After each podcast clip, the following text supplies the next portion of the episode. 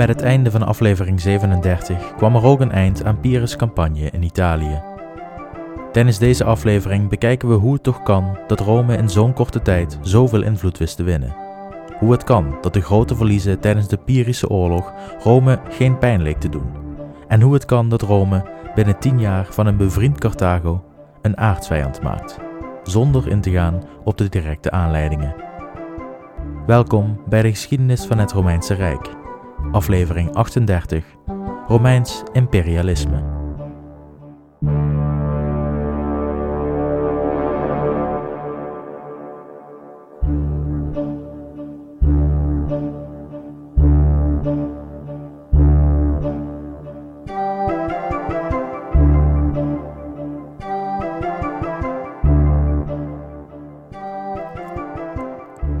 Met het vertrek van Pyrrhus uit Italië stonden de Tarentijnen voor nog hetere vuren dan eerder. Pyrrhus had de Romeinen dan wel weten te verslaan en zelfs grote delen van Campanië en Samnium op de Romeinen veroverd, maar hij had deze overwinningen niet weten om te zetten naar blijvende winsten. Sterker nog, de steden die hij in de twee jaar in Italië had weten te veroveren, waren na de slag bij Maleventum grotendeels verloren gegaan aan de Romeinen. Wel was Pyrrhus erin geslaagd de Italische volkeren in Zuid-Italië in opstand te laten komen. Maar zonder hulp van de intussen vertrokken koning hadden zij vrij weinig kans van slagen. Aan de andere kant, op Sicilië, was eenzelfde situatie aan de hand. Pyrrhus had in één jaar Sicilië veroverd op de Carthagers, maar na zijn terugkeer naar Italië vielen deze steden net zo snel weer in handen van Carthago. Magna Grecia had de koning gesteund in zijn veroveringen en had zich hiermee openlijk vijandig opgesteld tegen zowel Rome als Carthago. En u kunt zich wel voorstellen dat beide mogendheden na het vertrek van hun grootste tegenstander in kans roken om hun macht te verwezenlijken. Rome zag een kans op een verenigd Italië, en Carthago zag een kans hun eeuwige Griekse vijanden op Sicilië eindelijk van het eiland te verjagen. De periode tussen Pyrrhus en de Eerste Punische Oorlog is uitgebreid beschreven in de boeken van Livius. Probleem is alleen dat deze boeken de test der tijden niet hebben overleefd. Verdere bronnen over deze periode zijn schaars, en dus weten we helaas weinig over hoe Rome Magna Grecia veroverde. Met het vertrek van Pyrrhus in 275 voor Christus liet hij Italië achter in een open rebellie tegen Rome. De Samnieten, Etrusken, Lucani en Bruti kwamen in opstand tegen Rome in een voorlopig laatste poging de macht van Rome in te perken. Wat er precies gebeurde tijdens deze opstanden is onbekend, maar wat we wel weten is dat het Rome grote inspanning kostte de neuzen weer dezelfde kant op te krijgen. In de jaren tussen Pyrrhus' vertrek en de verovering van heel het Italisch schiereiland tussen 275 en 263 voor Christus ondernamen de Romeinen vele campagnes tegen de rebellerende volkeren. De Fasti laat in deze jaren maar liefst tien verschillende triomfen zien voor het verslaan van de buurvolkeren en de Grieken. Rome drukte steeds verder naar het zuiden, en eenmaal in de buurt van Tarentum kozen de Grieken ervoor Romeins gezag te accepteren. Dit deden zij in 272 voor Christus, toen het garnizoen dat Pyrrhus had achtergelaten zich overgaf aan de Romeinen na het vernemen van de dood van hun koning. De verdere pacificatie van Italië en de overwinning op de rebellen werd volbracht door het uitrollen van het Romeinse systeem van koloniën over de nieuw veroverde gebieden. In Paestum in 273 voor Christus, Beneventum in 268 voor Christus en als laatst in Isernia in 263 voor Christus. Dit is dan ook het jaar dat heel Italië onder de Povelei in Romeinse handen was. Hoe kan het toch dat een stad aan de Tiber zo snel en effectief kon uitbreiden tot een machtige republiek die zelfs de beste Griekse koningen kon bevechten? In slechts 70 jaren was Rome uitgebreid van een lokale macht in Latium tot de dominante macht op het Italiaanse schiereiland, die zelfs een bedreiging zou kunnen vormen voor de grote spelers rond de Mediterrane Zee. Voor we echter gaan beginnen aan het volgende grote hoofdstuk in de Romeinse geschiedenis, wil ik eerst het restant van deze aflevering gebruiken om een verklaring te zoeken naar de indirecte aanleiding van dit nieuwe hoofdstuk, namelijk de Romeinse expansiedrift die ervoor gezorgd heeft dat Rome steeds weer in oorlog kwam met nieuwe vijanden, ongeacht hun vriendschappelijke of vijandige relatie vooraf. We zien een niet te stoppen drang naar uitbreiding, imperialisme van de bovenste plank. Wat dreef de Romeinen tot deze expansie? Waarom stopte men niet nadat Italië was veroverd en men geen directe vijanden meer had? Wat bracht hen naartoe in 70 jaar grond te veroveren dat honderden keren zo groot was als hun oorspronkelijke grond in dat kleine stukje Latium? Hoe kan het dat Rome in zo'n korte tijd zo groot kon worden? Op deze vragen proberen we met hulp van de inzichten van historicus T.J. Cornell en onze eigen inzichten in antwoord te vinden. Laten we beginnen door te stellen dat de uitbreiding van Rome op zichzelf niet zo uniek is als we misschien denken. Andere mogendheden als Pyrrhus en Alexander waren er immers ook in geslaagd om snel grote delen van de wereld te veroveren. De een wat meer dan de ander. Wat bijzonder is, is dat de Romeinen de gewonnen gronden wisten te behouden en ervoor zorgden dat deze snel romaniseerden maar met name de onverzadigbare drang naar uitbreiding van de Romeinse staat is bijzonder te noemen. Als we een vergelijking maken tussen bijvoorbeeld Alexander en Rome, dan kunnen we stellen dat deze twee een hele andere uitgangspositie hadden van elkaar. Alexander had een aardsvijand die hem dwong de halve wereld te doorkruisen om zijn tegenstander te verslaan. Hij vocht maar met één tegenstander, de Perzen, met wie zijn land al eeuwen in oorlog was. Je kunt stellen dat Alexander gedwongen was het Perzische Rijk volledig te verdelgen om een einde te maken aan een eeuwigdurend conflict, om de veiligheid en vrede in zijn thuisland te kunnen garanderen. Rome, aan de andere kant, had geen eeuwige vijanden. Ja, ze waren in conflict geraakt met wat buursteden, maar er was geen grote vijand die Rome sinds jaar en dag lastig viel. Je zou misschien kunnen zeggen dat de Etrusken een soort Perzische rol speelden. Maar ook na de verovering op de Etrusken rolden de Romeinen weer in een nieuwe oorlog. Zeker niet uit noodzaak, want in bijna alle gevallen was Rome de agressor. Rome stak haar neus in zaken waar het niet thuis hoorde en was op deze manier bezig in steeds meer oorlogen verzeild te raken waar zij eigenlijk niets mee te maken hadden. Hadden de Romeinen Latium niet veroverd, dan waren ze niet in conflict gekomen met de Samnieten. Hadden ze Samnium niet binnengevallen, waren ze niet in conflict gekomen met de Grieken. En nu ze ook de Grieken in Magna Grecia veroverd hadden, stonden ze op de stoep bij Carthago, met wie zij zeker drie keer eerder een verdrag hadden gesloten die hen een soort bondgenoten maakte. Twee bevriende staten die naast elkaar leefden. Geen enkel probleem, zou je zeggen. Maar ook deze keer raakte Rome in conflict met zijn buurland.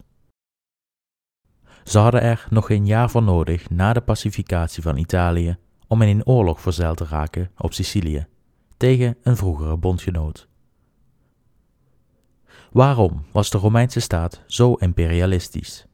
Waarom moest er worden uitgebreid ten koste van alles? Een mogelijke verklaring kan worden gezocht in het systeem die de Romeinen hanteerden voor het bestuur van hun republiek en later het Rijk. Zoals ik jullie eerder verteld heb, breidde Rome haar domein uit door middel van het aangaan van bondgenootschappen. Dit deed men meestal door een ultimatum te sturen naar een doelwit met de vraag: of jullie voegen je bij Rome, of we vinden een casus belli, een reden om een oorlog te verklaren, vallen jullie aan en dwingen jullie tot een verdrag als jullie verslagen zijn. Zo'n verdrag bestond uit een wisselwerking van rechten en plichten. De rechten die men kon verkrijgen was afhankelijk van de eerste keuze of men zich vrijwillig bij Rome voegde of door middel van een oorlog. Je moet denken aan een vol of gedeeltelijk Romeins burgerschap, handelsrechten en een deel van de buit die verkregen werd door de gewonnen oorlogen. De plicht, en zo'n beetje de enige plicht die men als bondgenoot van Rome had, was het leveren van troepen aan Rome. Dat was het. Dat was de deal die Rome hun bondgenoten voorstelde. De bondgenoten hielden een hoge mate van onafhankelijkheid, als men maar troepen leverde aan Rome.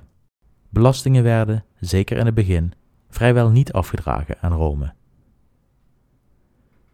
De bondgenoten waren dus slechts op het gebied van oorlog gebonden met Rome.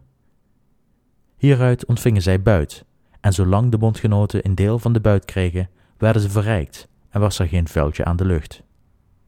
Dus wat deed Rome om hun bondgenoten tevreden te houden? Juist, oorlogen winnen, buit binnenhalen en deze verdelen over hun bondgenoten en zichzelf. Het succes van Rome was ook niet mogelijk geweest zonder deze bondgenoten. Alleen al de Italische bondgenoten hadden zo'n 360.000 mannen van militaire leeftijd die Rome kon inzetten in de oorlog. Het aandeel van de bondgenoten in de oorlogen wordt door de Romeinse schrijvers standaard weggeschreven, om de glorie aan Rome zelf toe te schrijven. Maar nu weten we dat de Romeinse legers vaker uit meer bondgenoten bestond dan uit Romeinen zelf vaak in verdeling van een derde Romeinen en twee derde bondgenoten. Wilde Rome voorkomen dat de bondgenoten zich tegen Rome zouden keren, dan moest er een constante toevoer van oorlogsbuit aangevoerd worden. Dit was de drijvende kracht achter Romes imperialisme. Uiteraard is dit waarschijnlijk een versimpelde uitleg van een hoogstwaarschijnlijk uiterst ingewikkelde realiteit. Maar met de beperkte bronnen die we hebben en onze beperkte kennis van de vroegere politieke wereldorde en het feit dat dit alles zich zo'n 2300 jaren geleden afspeelde, kan dit een van de verklaringen zijn voor Romes imperialisme. Nog een reden voor het imperialisme is de cursus honorum, de politieke ladder. Een systeem dat met zich meebracht dat militaire successen een grote rol speelden in het verkrijgen van macht in de Romeinse politiek. Dus aan de ene kant moest men de bondgenoten tevreden houden door oorlogen te winnen en de buit te verdelen. En aan de andere kant moesten de politici oorlogen winnen om hoger op te komen in de politieke rangen. Het een versterkte het ander. Ten tijde van het uitbreken van de Eerste Punische Oorlog met Carthago in 264 voor Christus had Rome verdragen met meer dan 150 zogenaamd onafhankelijke bondgenoten welke allemaal ofwel verslagen waren in vorige oorlogen, ofwel zich vrijwillig met Rome hadden geallieerd. Het is daarom logisch dat we denken dat Rome's imperialisme onlosmakelijk verbonden was met de bondgenootschappen die ze sloten met deze buurvolkeren. De beschikbaarheid van Italiaanse mankracht gaf de Romeinse staat een enorm militair potentieel en de capaciteit om zware verliezen op te vangen zoals de gebeurtenissen van de Pyrische oorlog aantonen. Het betekende dat Rome oorlog kon gebruiken als een beleidsinstrument, met een minimaal risico voor zichzelf. Maar het systeem had ook een dynamischer effect. Omdat de allianties een puur militaire functie hadden, waren ze alleen in oorlogstijd van nut voor de Romeinen. De Romeinen moesten daarom oorlog voeren als ze gebruik wilden maken van de diensten van de geallieerden en het systeem in stand wilden houden. Deze functionele interpretatie van de Romeinse alliantie werd voor het eerst geschetst door de Italiaanse historicus Momigliano, die opmerkte dat de Romeinen gingen van oorlog naar oorlog, zonder na te denken of deze oorlogen bedoeld waren voor de uitbreiding van de macht van Rome of om de bondgenoten bezig te houden. Oorlog was simpelweg de essentie van de Romeinse organisatie. Gevolg van dit systeem was dat Rome effectief gebruik maakte van de middelen van hun bondgenoten. Het was in vorm van belasting innen. De bondgenoten hoefden namelijk geen directe belastingen af te dragen aan Rome, maar moesten wel de kosten van hun eigen mannen in oorlog dragen, om een deel van de risico's op zich te nemen. Op deze manier inde Rome dus wel degelijk indirecte belastingen en betaalden ze zelf relatief weinig voor onderhoud aan hun legers. De bondgenoten accepteerden deze gang van zaken. In de eerste plaats omdat de oorlog veelal met succes werd afgesloten en er dus financieel voordeel aan hing in de vorm van oorlogsbuit. Maar in de tweede plaats omdat de Romeinse Senaat goede relaties onderhield met de hoge bestuurders binnen de geallieerde gelederen. In meerdere gelegenheden was Rome te hulp geschoten aan geallieerde aristocraten in het nauw. Met militair geweld werden de aristocraten beschermd tegen populistische opwellingen in hun steden. Hiervan zijn talloze voorbeelden door de geschiedenis. De aristocraten hadden hun plusje veelal te danken aan Rome, en zonder de steun van de Romeinen was de kans groot dat een opstand een eind zou maken aan hun heerschappij.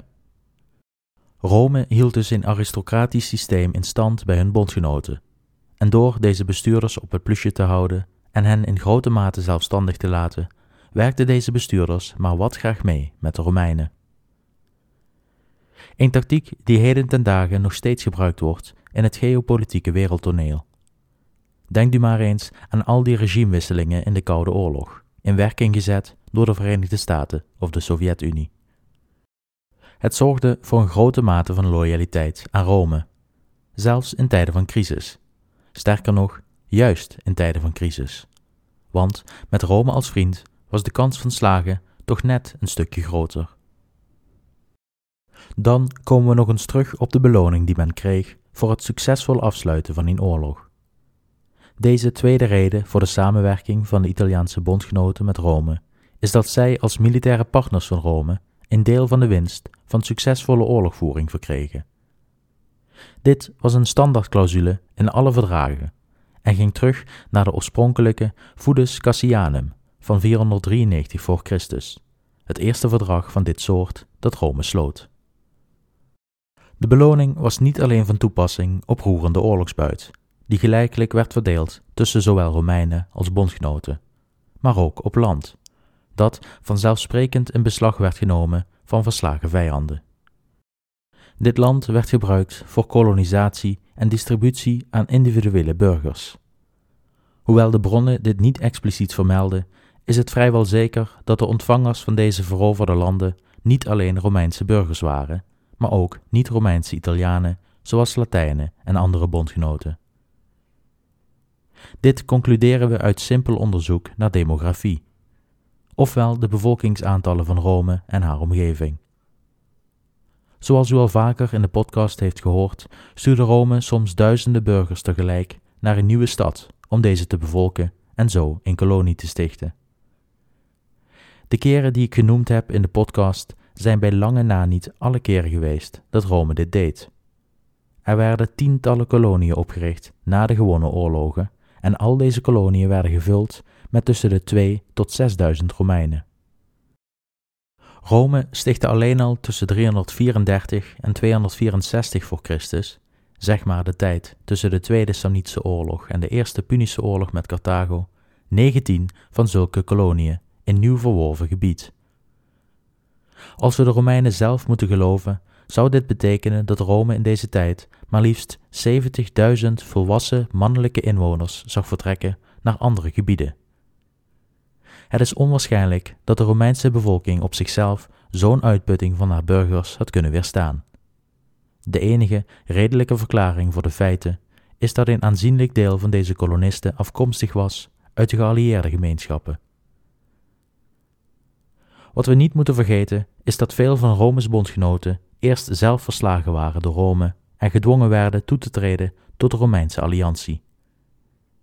De participatie van deze bondgenoten stelde Rome vervolgens in staat grote stukken vijandelijk land te veroveren en te bezetten door middel van het verplaatsen van deze bondgenoten naar nieuw veroverd gebied. Het Romeinse systeem wordt door sommige moderne historici vergeleken met een criminele operatie, die zijn slachtoffers compenseert door hen in te schrijven in de bende en hen uit te nodigen om de opbrengsten van toekomstige overvallen te delen. Deze brutale vergelijking brengt ons terug naar de behoefte van de Romeinse staat om oorlog te voeren. Elke zichzelf respecterende criminele organisatie zal snel uit elkaar vallen als de baas zou besluiten de misdaden te staken en legitiem te worden. Door deel te nemen aan een grote en efficiënte operatie en hun politieke onafhankelijkheid op te offeren, verkregen de Italiaanse bondgenoten van Rome veiligheid, bescherming en winst voor een relatief bescheiden premie. Met deze iets wat aparte vergelijking hoop ik dat u het Romeinse imperialisme iets beter begrijpt. En mocht u andere of aanvullende visies op het onderwerp hebben, nodig ik u uit deze te delen. Want we hebben wellicht een klein deel van de visie weten te verklaren. 100% zeker zullen we het nooit weten. Echter, met dit in het achterhoofd gaan we in de volgende aflevering zien hoe het toch kan dat binnen 10 jaar de vriendschappelijke relatie tussen Rome en Carthago uitmondt in het grootste gevecht uit de oudheid. Wat zijn de aanleidingen? Had Rome wel een oorlog verwacht? En wat is de rol van Syracuse in dit alles? Zo zijn we alweer bij het einde gekomen van deze aflevering. De aflevering is iets wat korter dan normaal, omdat ik, voordat we beginnen met de Punische oorlogen, eerst inzage wilde geven in de achtergrond van de expansiedrift van Rome. Door de verklaring te zoeken voorkomen we dat Rome schijnbaar doelloos streeft naar een steeds groter wordend rijk. In de volgende aflevering zal ik uiteenzetten hoe het conflict tussen Rome en Carthago gestalte kreeg en maken we de eerste confrontaties mee tussen de twee zwaargewichten in de regio. Ik hoop dat ik u met deze aflevering inzicht heb kunnen geven in de Romeinse gedachtegang van expansie en dat u over twee weken weer klaar zit voor de volgende aflevering. Als laatst wil ik u nog melden dat door het technische karakter van deze aflevering ik geen website zal maken met betrekking tot dit onderwerp.